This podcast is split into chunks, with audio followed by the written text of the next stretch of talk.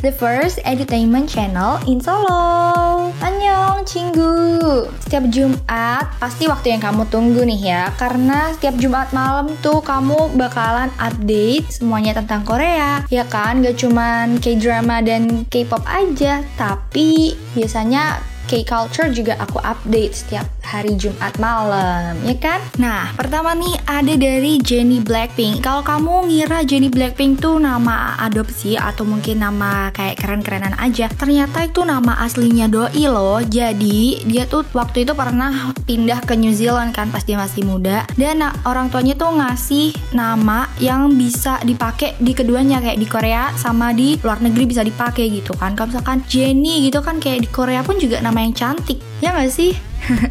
Terus nih, kalau tadi kita bahas Jenny, kalau Jeno gimana? Nah, Jeno dari NCT ini juga kalau di telinga Korea tuh sedikit kayak kebulean ya, kayak mesti kayak nggak familiar di telinga orang Korea gitu. Tapi kalau misalkan kamu tahu Jeno itu nama aslinya dia dan itu diambil dari karakter Cina yang artinya itu strong king alias raja yang kuat. Next ada Momo dari Twice. Sounds really cute juga ya kalau denger nama Momo kayak jarang juga ada orang yang namanya Momo. Nah, Momo ini juga asli dari orang tuanya dia yang di Jepang sana gitu. Ini kalau diartiin nama Momo dalam bahasa Jepang itu artinya peach. Cantik juga ya.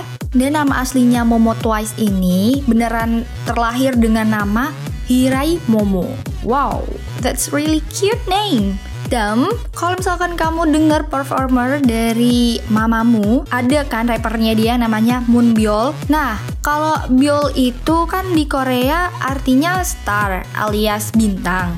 Dikiranya tuh kayak stage name aja karena performer mama mulainya kan ada yang namanya solar kan kayak jadi bintang dan matahari gitu. Tapi ternyata tuh enggak. Ini bener-bener nama aslinya Moonbyul itu Moonbyul nama asli dia itu full name-nya Moonbyuli jadi kayak bener-bener nama yang unik juga ya. Terus next ada Kang Daniel. Kalau misalkan Kang Daniel ini beneran asli juga. Karena dia tuh pernah ngubah nama aslinya dia. Karena kayak keluarganya dia tuh juga susah atau teman-teman dekat dia tuh susah buat uh, ngucapin nama aslinya. Nama aslinya dia tuh sebenarnya Kang Igon. Tapi kan karena kayak Uigon tuh kayak susah juga ya diomong jadi kayak dia tuh udah bertahun-tahun yang lalu ngubah nama dia menjadi Kang Daniel performer dari One One tapi sekarang udah solo ya dan punya ini sendiri apa tuh agensi sendiri next ini ada aktris dan juga penyanyi yang sangat cantik ya sebenarnya. Sama nih kayak Jenny, Sandra Park ini dikiranya tuh kayak orang yang lahir di luar Korea kan, tapi sebenarnya dia itu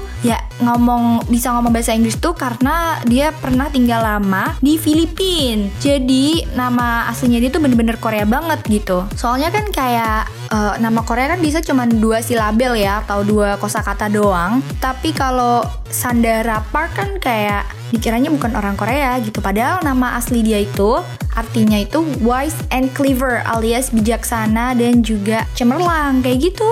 Dan Last ada Mbak Cantik nih. Kalau kamu dengar namanya tuh kayak sedikit gak biasa gitu ya didengar sama orang Korea. Namanya adalah Lee Elia. Nah, Elia ini tuh sebenarnya kayak dikiranya kan kayak orang bahasa Inggris yang ngomong gitu kan ya. Tapi sebenarnya dia tuh emang orang Korea asli. Walaupun dia awalnya dikira orang luar negeri gitu. Dia itu lahir kan di keluarga Protestan Kristen. Terus dia tuh dikasih nama Elia setelah dia dibaptis gitu ceritanya. Jadi namanya sekarang adalah Lee Elia. Kalau misalkan kamu udah tahu nih ya, jadi jangan salah sangka lagi kalau mereka semua ini sebenarnya asli Korea. Ya cuma namanya aja yang unik-unik gitu kan. Sekarang kayak nama anak-anak kecil aja kan kayak yang susah-susah juga gitu kan ya kalau kamu tahu. Oh iya Cinggu, ini kan 2020 udah masuk bulan ke-7 ya. Berarti kayak udah setengah tahun kita lewati dan berujung mau ke penghujung 2020 sebenarnya masih lama sih. Tapi dalam wak jangka waktu 7 bulan aja udah banyak banget loh idol atau K groups yang debut sekitar 7 bulan terakhir ini. Aku kenalin mereka ya biar kamu nggak kaget lagi kalau misalkan dengar nama mereka atau lagu mereka tuh enak didengar di telinga kamu.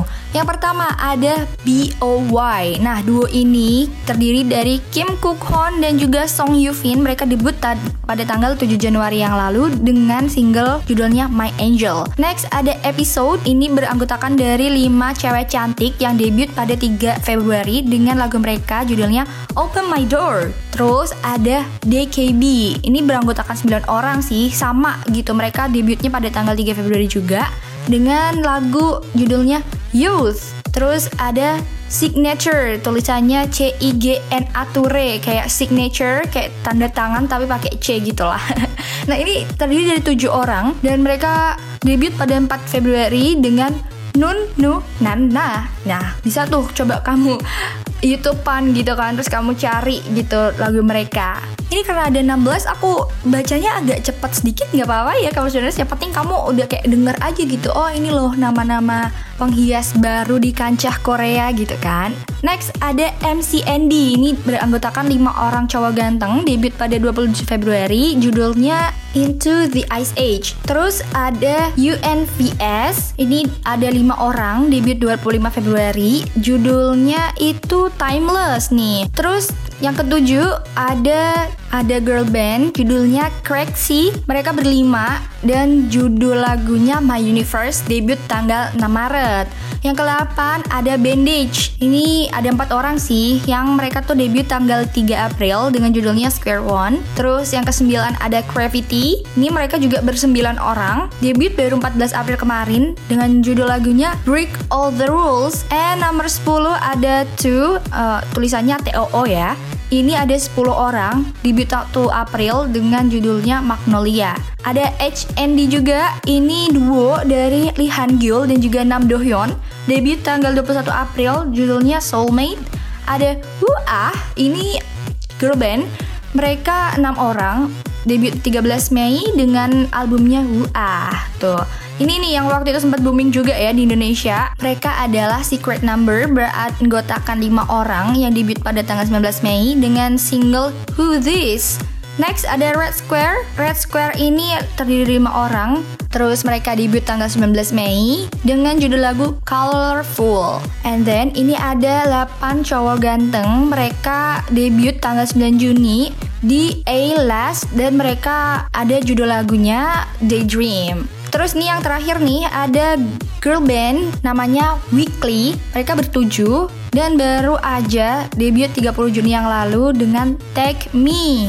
Wow, ada 16 grup sih ya. Ini jadi kayak banyak banget. Baru 7 bulan aja ada 16 grup yang debut nih. Kira-kira sampai penghujung tahun 2020 bakal ada berapa ya? Berarti kalau dihitung-hitung udah banyak banget ya performer yang ada di Korea sana. Nah, jangan lupa dukung mereka juga karena mereka juga baru di industri Korea dan juga dukung musik Indonesia juga sih. Jadi kayak di kedua negara tuh musik kita sama-sama berkembang dengan mendukung artis-artisnya dengan membeli single mereka yang legal gitu kan di platform-platform legal jadi jangan beli bajakan gitu kampus winners. Oh iya, kalau dukung perfilman kan juga lewat platform yang legal kan. Nah, ini nih dari Netflix ada drama yang booming sih. Dari awal sampai sekarang juga masih booming. Judulnya adalah It's Okay Not To Be Okay. Ini tuh jadi obsesi di kalangan K-Nets ya.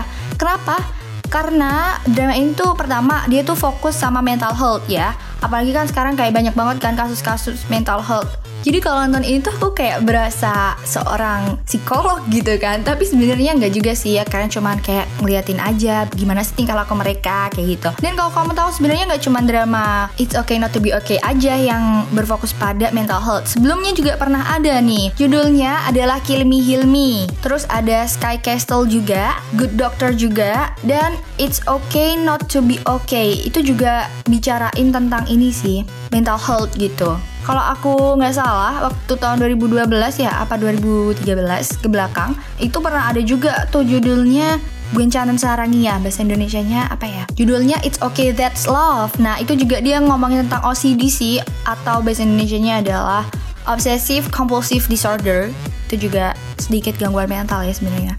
Terus nih, kenapa sih kok It's Okay Not To Be Okay harus ditonton? Karena ini tuh dia pemeran utamanya tuh anti heroin gitu. Maksudnya apa? Ya karena pemeran utama wanitanya tuh agak beda gitu sama kebanyakan ini kan pemeran utama. Jadi kalau misalkan pemeran utama biasanya kan kayak langsung disukain gitu kan atau paling enggak ya punya sifat yang menyenangkan gitu. Tapi kalau Komunyong ini si pemeran di It's Okay Not to Be Okay itu dia tuh kayak punya karisma sendiri gitu jadi kayak nggak kayak pahlawan wanita biasanya gitu lah dan karena karismanya si Komun Young ini yang diperankan sama So Ye Ji, para K-Nets dan juga Indonesian K-Nets mungkin yang nonton tuh jadi kayak seneng gitu loh lihat chemistry yang unik antara orang yang agak psycho sama perawat. Kan kayak orang yang udah ngerti mental illness gitu kan ya. Emang aku akuin tuh bener-bener bagus banget chemistry mereka berdua tuh. Si Kim Soo Hyun sama So Ye Ji di drama It's Okay Not To Be Okay ini dan gak cuman itu, abis chemistry-nya udah bagus, ini tuh emosinya tuh bener-bener roller coaster banget. Jadi kayak abis kayak seneng-senengan tuh bener-bener dibawa sedih banget. Tiap episode tuh pasti ada kayak gitu. Jadi gak kayak cuman seneng-senengan doang. Tiap episode bener-bener semuanya tuh kayak roller coaster. Abis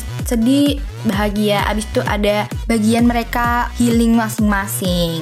Jadi kayak yang nonton pun jadi kayak heal gitu. Terus uh, uh, kebawa suasananya dan juga masuk ke suasana yang baru juga gitu. Puas banget deh pokoknya kalau nonton drama ini. Nah, makanya kalau kamu belum nonton nih ya, Cinggu, kamu harus segera nonton It's Okay Not To Be Okay masuk ke dalam list drama kamu. Geram. Good. Kegonan gemoduda nyusul Erza Oni udah bawain buat kamu. Jadi kamu juga harus tunggu lagi ya minggu depan biar tahu apa aja sih berita dan news paling lately gitu kan dari Korea sana. Granika Erza Oni pamit dulu ya. Cinggu, akhir kata, terhormatlah bagi yang berprestasi dan berprestasilah dengan tetap menjaga kehormatan. Erzoni pamit. Bye-bye. Annyeong.